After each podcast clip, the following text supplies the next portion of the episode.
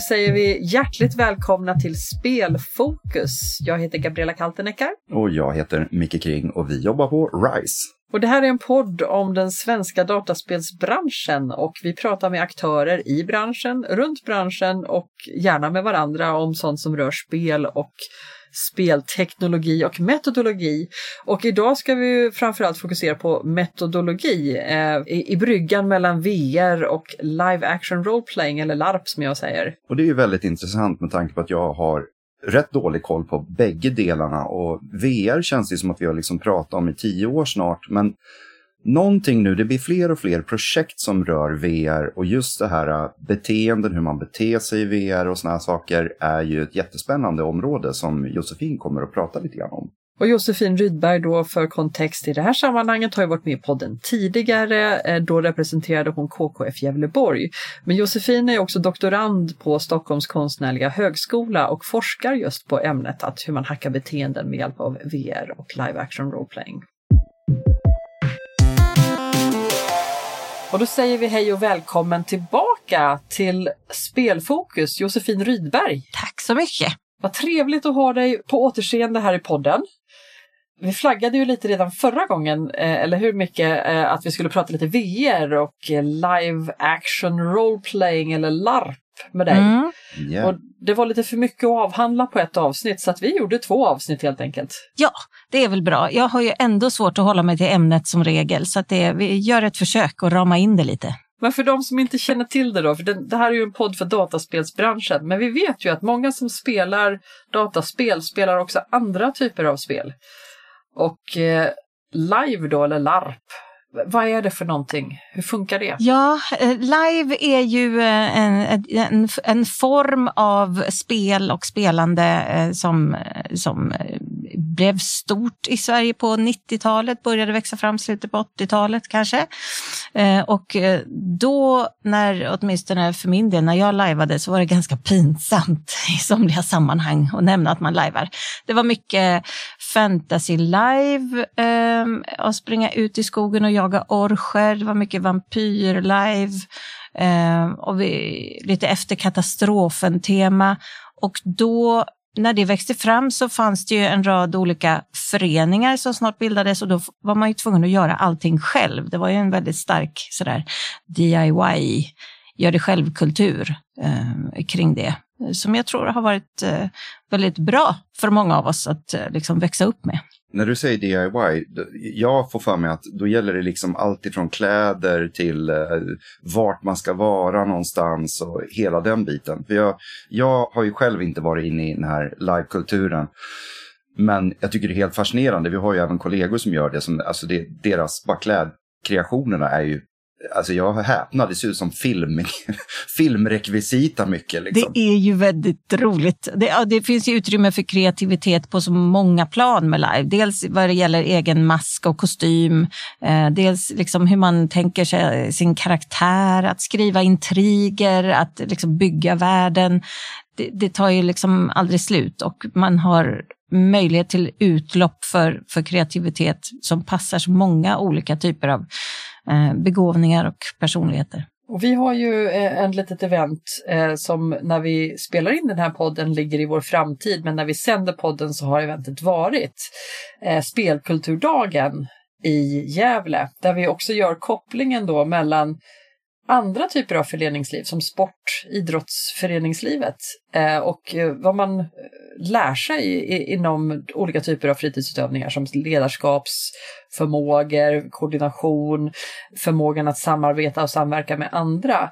Eh, och det tycker jag är en intressant vinkling. Har ni, ni har ju gjort en hel del arbete inom Region Gävleborg och Dalarna eh, just med kopplingen till kompetensutveckling. Eh, vad kan du dela med dig från era findings? runt vad man lär sig i labb? Ja, nej, men jag tycker dels är det det där att man lär sig att organisera sig och samarbeta och allt det där. Dels så är ju live också så tacksam till en typ av scenarioträning. Att du kan, du kan prova på att göra någonting eller att vara någon eller att lösa ett problem eh, innan det är skarpt läge. Eh, och det kan man ju applicera, den, det, då kan man anpassa designen efter sån scenarioträning till olika sammanhang. Eh, och det, det är väldigt tacksamt och där finns det också mycket som funkar att överföra till VR och då är det ju plötsligt data igen på något sätt. Om man börjar lajva i VR. Lajva i VR låter jätte high tech för mig. Har du provat att lajva i VR? Jag försöker ju ständigt översätta olika scenarios, live-scenarios. Det finns ju, eh, alltså sen det jag pratade om tidigare, 80-90-talet, så har ju live liksom växt upp och mognat, eh, både som hobby och som konstform. Eh, och idag så finns det ett väldigt stort utbud av olika typer av live, olika teman, olika sätt att spela. Det som vi kallar för Nordic LARP ofta är ju en, en typ av lajvande som är har väldigt starkt fokus på samarbete. Det är liksom inte så gamigt, utan det handlar mer om liksom flow och improvisation. Och där finns det också ofta. Ofta är man intresserad av ja, men lite svårare teman, dekonstruera hierarkier, sociala normer, liksom, sådana saker. Och därför tänker jag att det är spännande att ta sig in med, med de här uttrycken även i VR. Eh, där man ändå Alltså det är ju en miljö som är väldigt lik vår analoga miljö. Vi går ju in och är liksom kroppsliga och rumsliga eh, och kan mötas. Och det, det, finns lite olika plattformar som man bara kan liksom hoppa in i eh, utan att behöva liksom programmera fram en, en, ett spel eller någon särskild miljö. Och då är det någon form av liksom sociala VR-miljöer, det vill säga att man, kan, man möter andra människor i de här VR-miljöerna. Så att inte, man spelar inte mot, eller lajvar inte då mot AI-avatarer och grejer. Utan... Nej men precis, nej. Det, det, är, inte, eh, det är inte ett sånt uh, typ av narrativ då som att allting är förprogrammerat. Man, det, det börjar växa upp fler och fler hybrider där det är lite mer programmering för att hjälpa spelledarna eller GMs. Men det är framförallt de sociala plattformarna som VR Chat eller Altspace eller till och med Mozilla Hubs eller sådana eh, som växer fram. Så man bara behöver ha ett inlogg och ett konto egentligen för att ta sig in. Man behöver inte vara mer tekniskt avancerad än så. Och då kan man välja världar som redan är befolkade, där är, man ser att andra är inloggade. Men ska man lajva så är det ju viktigt med kommunikationen och att alla är införstådda med vad som händer. Det bygger ju på samförstånd. Så då brukar vi ha privata världar, privata rum där man bjuder in spelare och eh, sätter igång. Och dagens ämne är ju lite hacka beteenden med hjälp av VR och LARP, eller live. Säger man LARP eller säger man live? Jag säger live oftast, men på engelska är det ju LARP. Så att, ja, det blandar väldigt inkonsekvent. Men hacka beteenden, ja, det finns ju mängder av eh, olika typer av initiativ som poppar upp nu. Jag var i kontakt med ett eh, som jag tycker är väldigt intressant med Massive, alltså MMO fast för science. Eh, där man kombinerar en spelupplevelse med just det här med att studera beteenden, ställa frågor och göra det immersivt i spelupplevelsen. Är det, är det någonting liksom i den stilen som du också jobbar med? Alltså, ja, det tycker jag är jättespännande, men jag är, jag är framförallt intresserad av att ha liksom hitta former för interaktion och beteenden som dels gör det kul att, att, att lajva Eh, och dels kanske, jag tänker det, i de här plattformarna, det gäller också våra sociala medier, så är det som att det är på något sätt inbyggt att det ska bli, det ska ha en polariserande påverkan på oss när vi är där. Eh, om man tittar på X eller, eller liksom Twitter, eh, andra plattformar så blir det så Alltså alla använder sin megafon och det blir lite skrikigt och det blir lite plumpt och det blir lite... Det är inte alltid ett så kul ställe att vara. Och jag tänker att om vi nu alla ska ta klivet in i metaverse för att inte till exempel behöva resa så mycket eller sådär, så, så vill inte jag att det ska vara samma miljö där. Jag, jag vill ha ett roligare ställe att vara på i metaverse.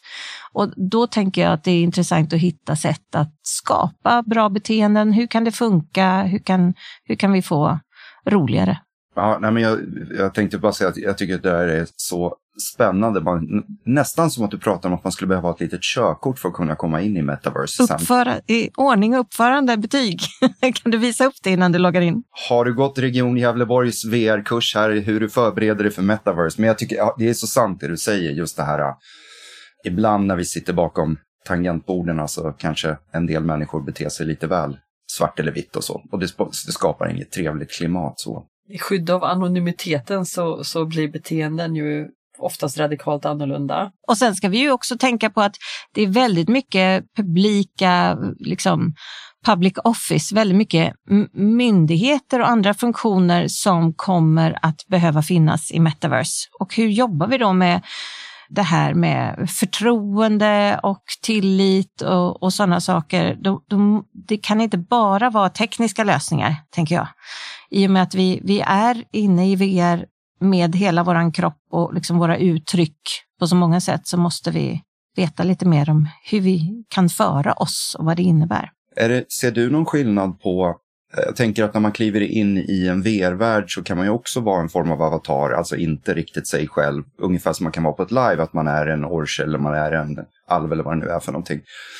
Ser du någon skillnad i, i, i det, att vara en annan avatar i verkligheten eller att vara det i VR? Eller liksom samma beteende? Eller? Alltså, inte, inte jättemycket egentligen. Jag tycker att det är en underbar tid att vara i VR just nu.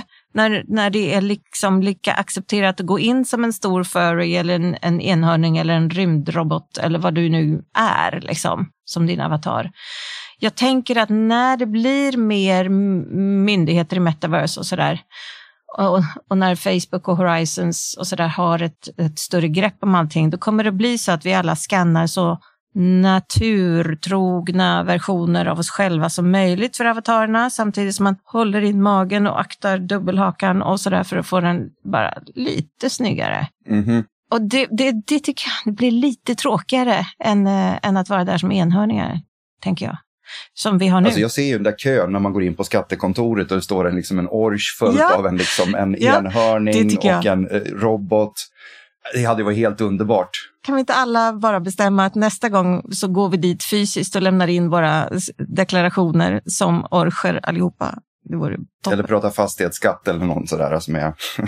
men, men just det här, om vi går tillbaka till eh, myndigheters inträdande i metaverse. Vad, det, finns ju, det finns ju en stor jag ska inte säga risk, men, men min tanke är ju att det kommer bli lite i metaverse som det är i verkliga världen fastän man bara är virtuell istället för fysisk. Um, och just det här med att då kan, det, jag, jag har svårt att se att uh, en myndighetsorganisation skulle ha avatarer som har är orcher eller enhörningar eller någonting annat. Utan det blir lite, lite PK-stämpeln som hamnar på allting. Det är lite synd. Vi, vi kan ju titta på hur, hur de börjar och i eh, Eh, Sydkorea tittar jag på väldigt mycket. De är ju långt fram i sin VR-utveckling och kastar in pengar i, i liksom att, eh, att landet ska finnas i metaverse. Eh, och de försöker verkligen placera sig i, i metaverse. Seuls borgmästare Ose hon lovade att eh, Seoul ska finnas i metaverse det här året, 2023. Och det, det, finns ganska mycket redan. Jag vet inte om du kan söka bygglov i metaverse än, men, eh, för Seoul, men, men det, de har ganska mycket. Och det, de, de, de är inte så, så kul som orcher och enhörningar, det är de inte. Men eh, man kanske Men vad kan... innebär det att ha en hel stad med i metaverse? Vad, vad liksom rent praktiskt? Alltså det är, det är ju inte en hel stad, men det är fler och fler funktioner. De har någon slags businessutveckling eh, som man, där man kan gå dit som, eh, som egen företagare eller företagsrepresentant och liksom få hjälp med sådär, innovationsstöd och, och näringslivsrådgivning. De har en hel del turist initiativ. Så om man är nyfiken på att åka till Seoul så kan man besöka det i Metaverse först. De försöker också göra liksom firanden och högtider och sådär, att, att man ska ha det som ett alternativ om man inte vill gå ut och trängas på stan, kanske för att det är eh, liksom, eh, distanseringspolicys eh, och sånt på grund av virus eller annat så ska man kunna, till exempel så hade de ett nyårsfirande i Metaverse och sådär som är väldigt likt det traditionella vanliga nyårsfirandet i Seoul. Men det, det förutsätter ju någonstans då också att, att eh, gemene man, människor har råd med den tekniska utrustningen som man behöver ha för att kunna till exempel besöka eh, Seoul i VR då till exempel. Eller att det finns annan infrastruktur.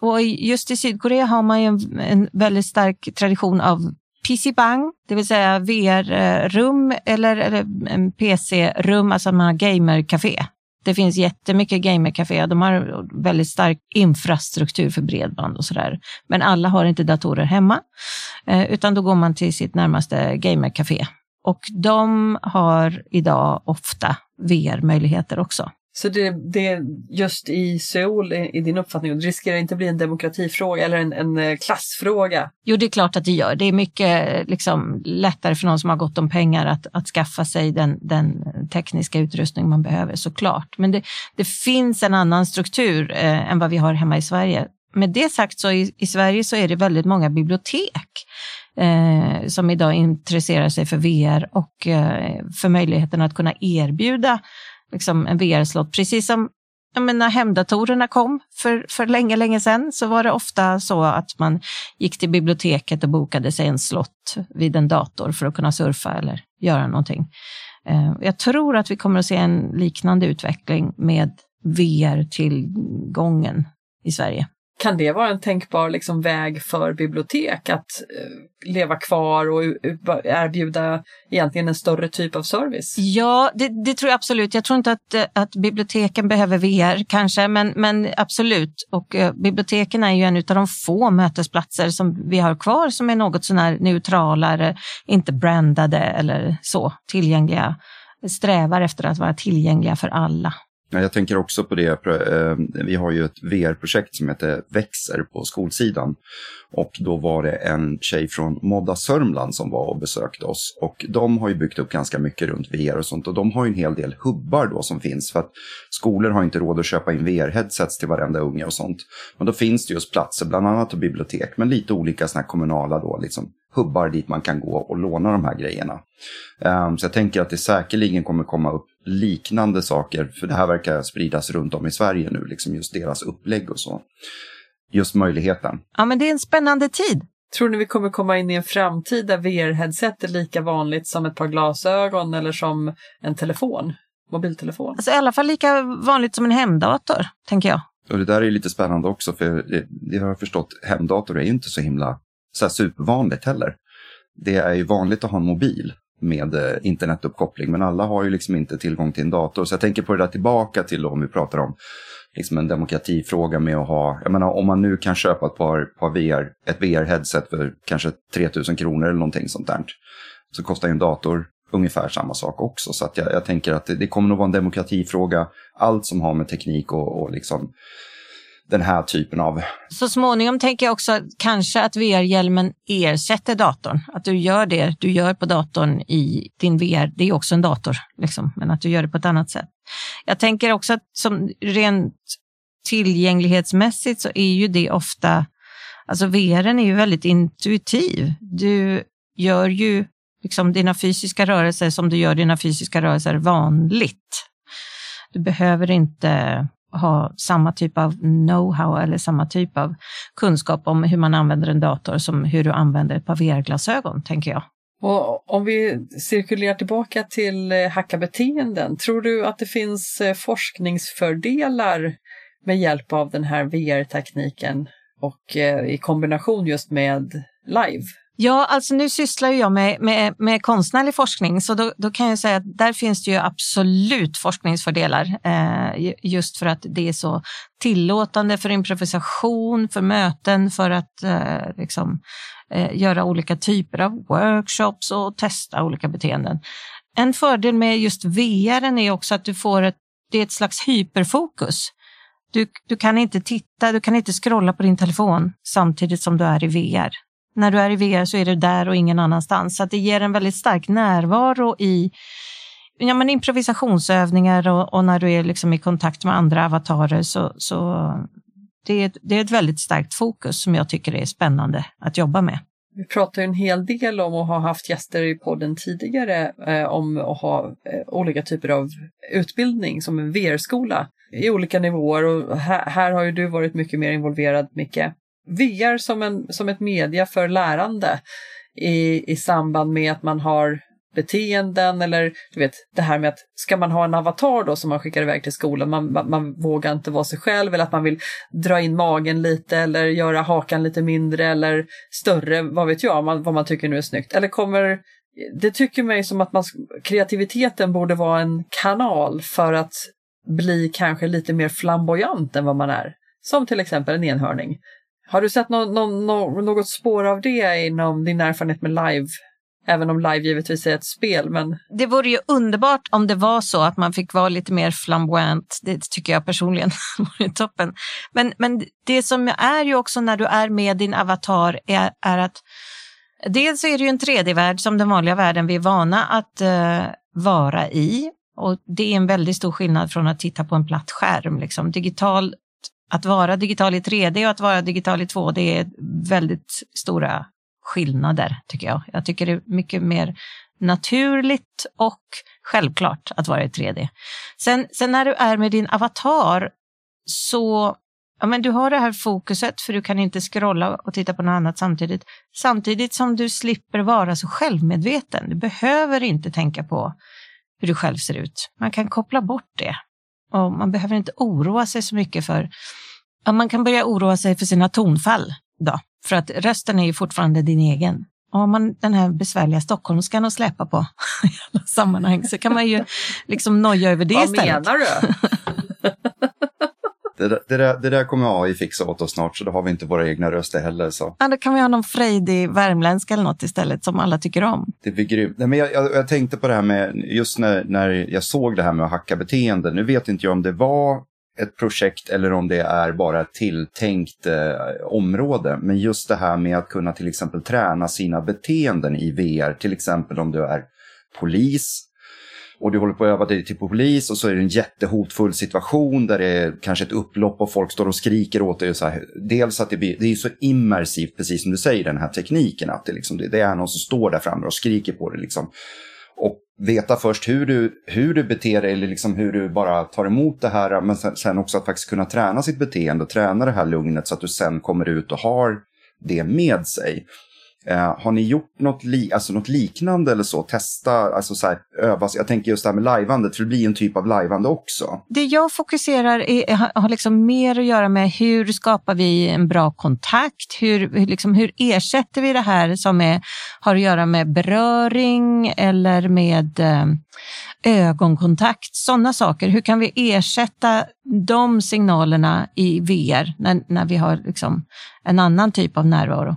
Men jag vet att kriminalvården håller på med den typen av projekt. Jag, jag, har inte pratat med dem direkt så jag har inte så jättebra koll, men jag vet att de håller just på med den här typen av att välja andra beteenden än, än att trappa upp ag en aggressivitet till exempel. Eh, så det vore spännande att kika lite närmare på. Ja, men just den här möjligheten med hela live-grejen, att faktiskt kunna utsätta sig för situationer som man kanske normalt, alltså det, det, man kan läsa om det i en textbok.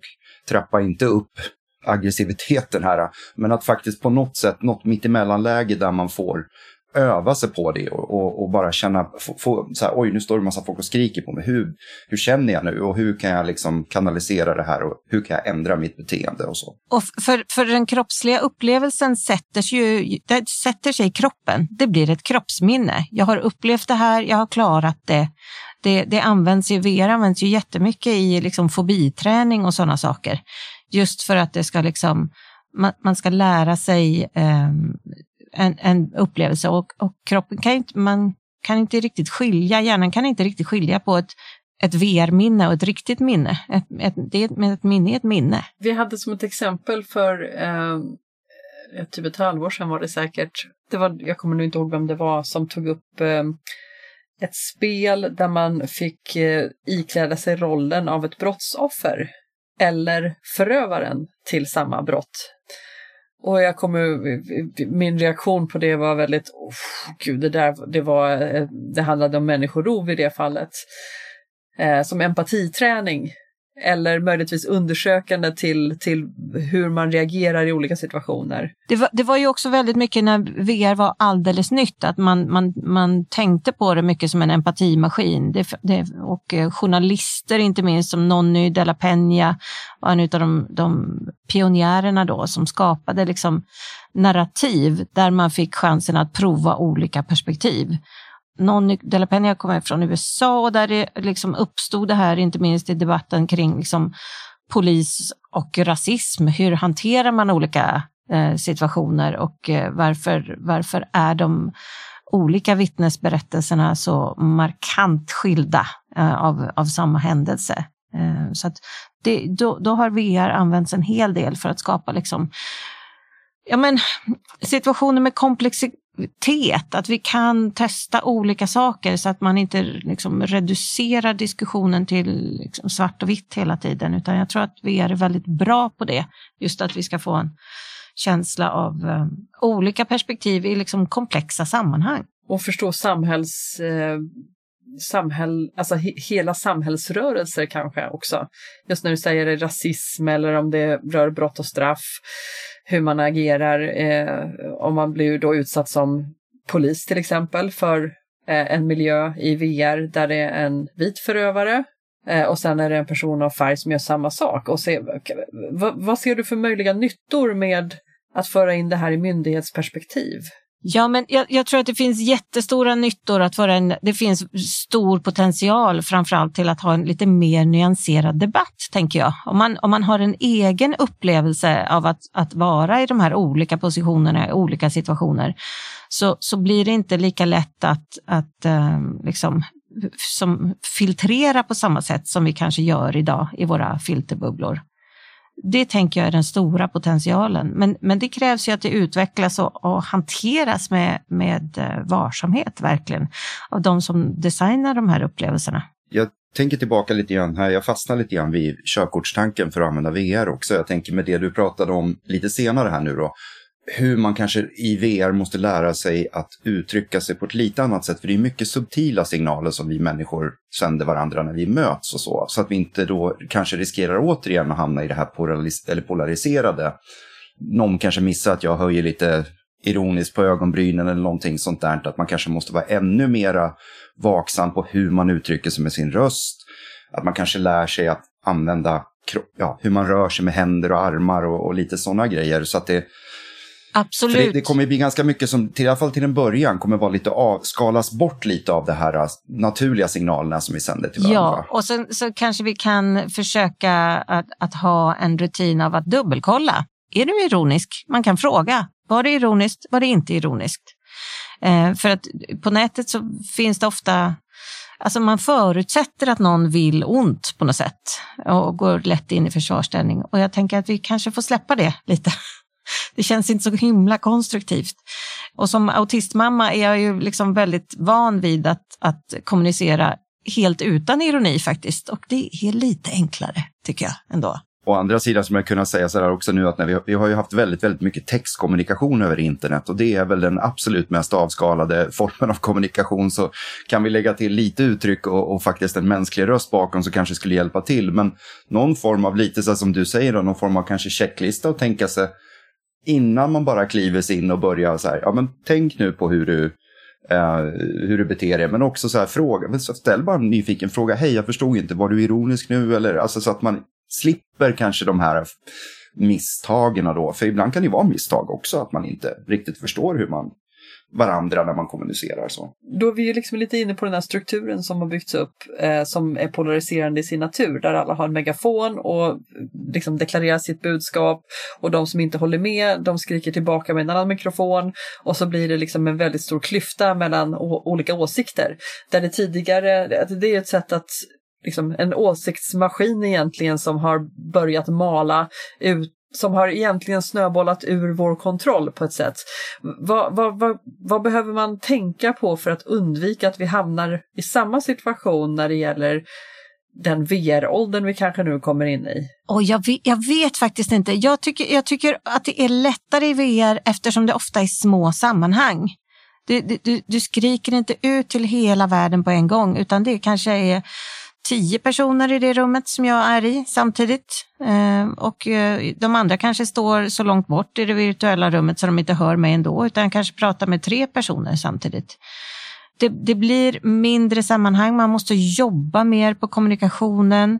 Men, men det, det finns ju det finns ju jättemycket eh, liksom, situationer där det är riktigt dålig kommunikation i VR.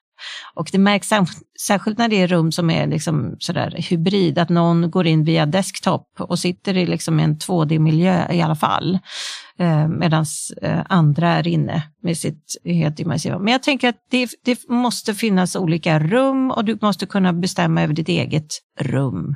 Liksom, vilka du släpper in och vad man får göra i det rummet du är. Och, och sen så är det ju, det tacksamma med VR är ju vad man i live-sammanhang kallar för en easy opt-out. Man kan alltid ta av sig de jäkla glasögonen och sen är man tillbaka i sitt trygga vardagsrum. Liksom. Om man inte trivs där så det, det finns alltid en reträtt.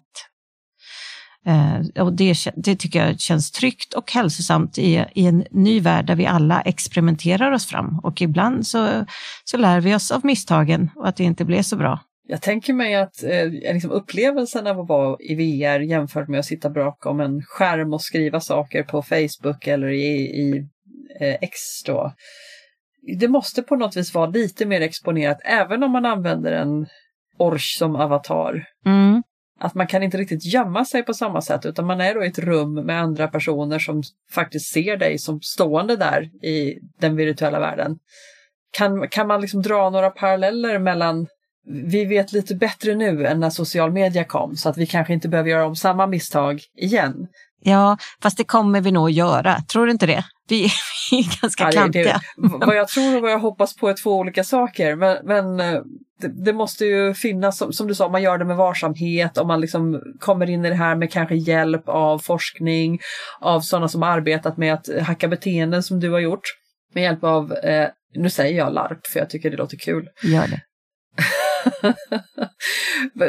det, det, måste ju liksom finnas bra erfarenheter som man skulle kunna dra nytta av i ett större sammanhang när vi nu rör oss mer och mer in i en VR-värld. Jo men, jo men det tänker jag. Jag tänker att det är därför just som jag nämnde kriminalvården jobbar med, med sin, liksom, scenarioträning på det sättet för att det ger bra resultat. Och som, alltså det finns ju tydlig forskning på att det du har gjort själv värdesätter du på ett högre sätt och det, det lämnar ett djupare avtryck även om du har gjort det fiktivt så har du ändå gjort det någonstans.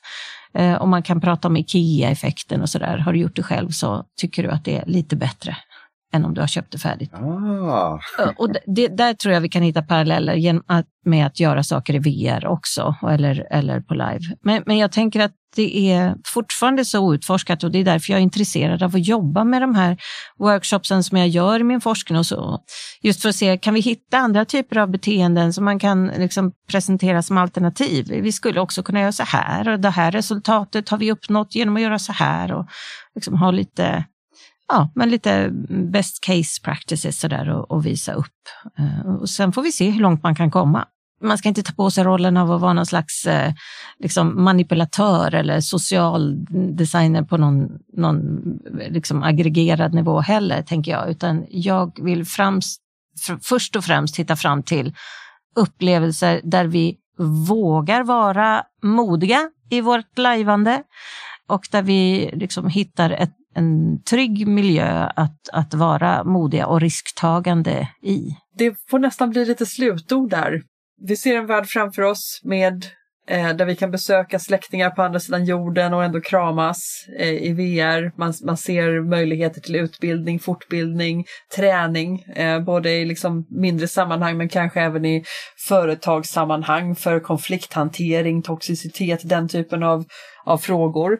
Eh, så att det här är ett jättespännande och stort ämne som jag hoppas att vi kommer kunna få prata mer om varan tiden lider och utvecklingen kommer framåt. Ja, det kanske blir ett, en, en tredje, ett tredje besök i, i Spelfokus. Precis, vi, får, vi kan alltid hoppas.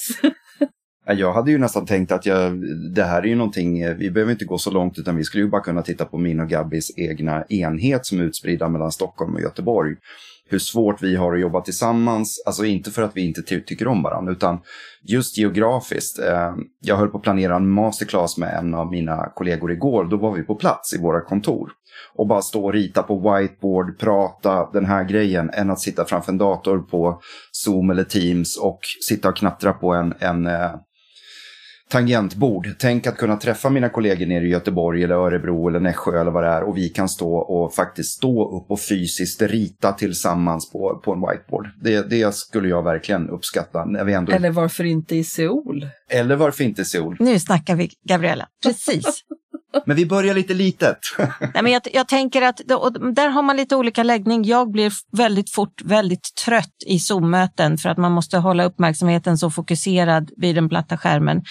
Eh, Medan i, i VR-möten när man kan hoppa runt eller man kan som du säger liksom kludda på tavlan tillsammans. Alltså, det blir en starkare närvarokänsla som, som just när det gäller idéskapande och liksom den typen av processer är, är väldigt mycket lättare att jobba med tycker jag. Spännande saker i framtiden, helt klart. Eh, nästa gång vi spelar in ett avsnitt tillsammans kanske vi är, gör det i VR. Ja, det, det, jag ska ha mitt eh, 80% seminarium för forskningen. Eh, när blir det? November 2024. Det kommer att vara helt i VR. Oh. Det, det är taget. Vi bokar in det redan nu. Vi, är, vi kommer att vara där. Ni är välkomna. live-rapportera i VR. Ses då. Men jättekul att du ville komma tillbaka och prata lite mer djupare om det här med hackarbeteenden och eh, VR tillsammans med live action role playing eller LARPs då som, som jag säger. Tusen tack Josefin! Tack så hemskt mycket! Tack så mycket! Och vi syns ju snart i Gävle. Välkomna då! Vi ses! Ja, Micke, vad Mm. tror vi? Kommer vi, kommer, vi om, kommer vi inom våran yrkesverksamma karriär fortfarande, vad, vad har vi kvar? Några år Två, tre, innan vi går i pension. eller i väggen. Kom, tror du vi kommer uppleva att ha ett liksom, teammöte i Seoul i VR? Ja, men jag, jag, tror, jag både tror det och vill och hoppas på det faktiskt. För att eh, jag som fortfarande anser mig, är du också Gabi, fast vi hade lite olika roller, är ju hyfsat nya. Och det här med att sitta och stirra i ett Zoom-möte kanske då ibland sju gånger på en och samma dag. Och är det fler än typ fyra, fem personer så är det väldigt svårt att ha något, alltså ett utbyte i mötet. Så att någonstans om man liksom kunde, det skulle vara mycket mer naturligt att hoppa in i någon form av VR där man kan uttrycka sig, man kan snabbt bara röra sig och ställa sig lite på olika ställen av rummet och prata smågrupper, man kan stå och skissa tillsammans, man kan skapa tillsammans i det här. Så jag, jag av rent egoistiska skäl önskar att vi på vår enhet i livslångt lärande kunde testa det här inom rimlig tid.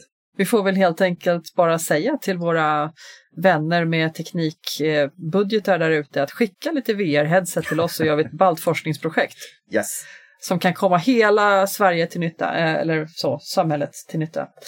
Eh, jag tror ju, jag, som alltid med ny teknik, jag älskar ju ny teknik, eh, men jag vet ju att det ofta blir en, en klassfråga, vad man har råd med att skaffa. Och säkerligen liksom i framtiden kanske det här kommer se annorlunda ut, men de strukturer som finns idag tycker jag är lite, ja, jag är lite tveksam till, till den här utvecklingen. Jag tycker det är jätteintressant det Josefin pratar om, eh, hur man kan applikationsområdena och det mots, alltså vad, vad som skiljer VR från social media som vi använder nu som är väldigt polariserat i sin natur, där man, där man då har en megafon, man skriker på varandra. Eh, och det är egentligen så det är naturen av den typen av plattform, medan naturen av VR är mycket mer lik våran verkliga värld. Eh, så att då kommer det naturligtvis bli annorlunda oavsett om man försöker designa det på sånt sätt eller inte. Men ändå också tror jag att det liksom måste vara med, vi måste vara medvetna om den toxicitet som har funnits, de problem som har funnits, det här med troll och hur man kan kampanja för olika saker. Eh, jag hoppas ju någonstans på att VR kan, kan blottlägga de här frågorna lite mer, vara lite mer transparent som medium. Ehm, så att, så att det, man kan röra sig i en verklighet med lite större insikt om eh, mottagare och sändare. Alltså vad, vad, vad är det för motiv som ligger bakom den här personens uttalanden? Så att man, man känner att man faktiskt är människor bakom skärmen och inte bara en textrad som blinkar, som kan, vara, kan ge mig glädje, kan ge mig sorg, kan ge mig panik, kan ge mig information, kan ge mig missinformation. Det, det, det är en komplex eh, komplexitet i det som jag tror att tekniken inte egentligen har så mycket att göra med utan man måste tillsammans med tekniken också utveckla just det som Josefin pratade om, hur man hackar beteenden på, ett- på ett sätt som leder till någonting positivt. För allting annat känner jag ju meningslöst. Så att vi inte riktigt gör samma sak som vi har gjort tidigare, fast vi kommer att göra samma misstag. Jag ser ändå fram emot när jag står på Skatteverket eh, som en orch och har en, en eh, enhörning bakom mig och en eh, robot stående bakom där också. Alltså det är en konstig sak att se fram emot att stå på Skatteverket just. Jag vet inte om jag ser fram emot att stå på Skatteverket men om man behöver stå där så kan jag väl hålla med om att en orch, det är en bra grej. Jag tror personligen att jag hade valt en Yeti eller ett kakmonster. Ja, men det kanske också så här hur man, hur man, den typen av avatar man är kan vara ett smart val också. För de kanske är mer vänligt inställda om jag kommer som en, kanske kommer som en gillig liten kattunge. Man vet ju aldrig. Tror du att det kanske blir lite lättare att lära känna människan bakom avataren genom att man liksom får, får en större bredd av beteenden? Ja, men dels det, men dels också beroende på, nu kan jag bara, det här kan vi bara sitta och spekulera om, men jag tänker om jag skulle se en avantar på en människa, om du skulle komma som till exempel en orch, då skulle jag förmodligen tänka att det här är en person som gillar fantasy och kanske lite sci-fi och lite såna här grejer. Det är säkert en skön person, alltså bara av att bara se hur du ser ut som avatar. Sen är det ju svårt det där, jag vet, jag vet, jag vet faktiskt inte. Det beror på, jag har ju spenderat för lite tid i VR för att och framförallt inte i det här sociala, att man möter andra riktiga, riktiga människor som avatarer tillsammans i en VR-värld. Det ser jag fram, emot att testa. Och bara hur mycket kan vi plocka upp av kroppsspråk som vi pratade om tidigare? Liksom, hur bra är de på att glasögonen på att känna av vart jag tittar någonstans eller kan vi få med våra ansiktsrörelser och sådana saker? Jag fick precis en idé till eh, nästa poddavsnitt här, men eh, eh, jag vet ett bolag som jobbar med dating, eh, ny typ av dating -site. Tänk dig att man dejtar som avatar i ett VR-koncept. Undrar om det är lättare eller svårare att bli sedd för den människa man är i ett VR-sammanhang eh, snarare än att man skriver text på, inte vet jag, match.com eller swipar höger, vänster. Det handlar ju liksom till, till essensen av mänskliga relationer på något vis. Ehm, det, kanske, det kan vara en idé. Vi får se om eh, jag gör en liten reach-out och kollar om de vill vara med och se vad de tycker om VR och potentialen för sin affärsidé. Men det är lite all tid vi hade för idag. Supertack till dig Micke igen. Tack själv. Alltid trevligt att hänga och prata och filosofera om lite egentligen reella frågor. Får man säga filosofera när man jobbar på RISE? Jag vet ja, inte. Då. Kanske. Ja. Det börjar väl med en hypotes någonstans och då måste man få filosofera fritt. Ja. Eh, men vi syns igen nästa vecka. Det gör vi. Ha det så gött! Tack för idag!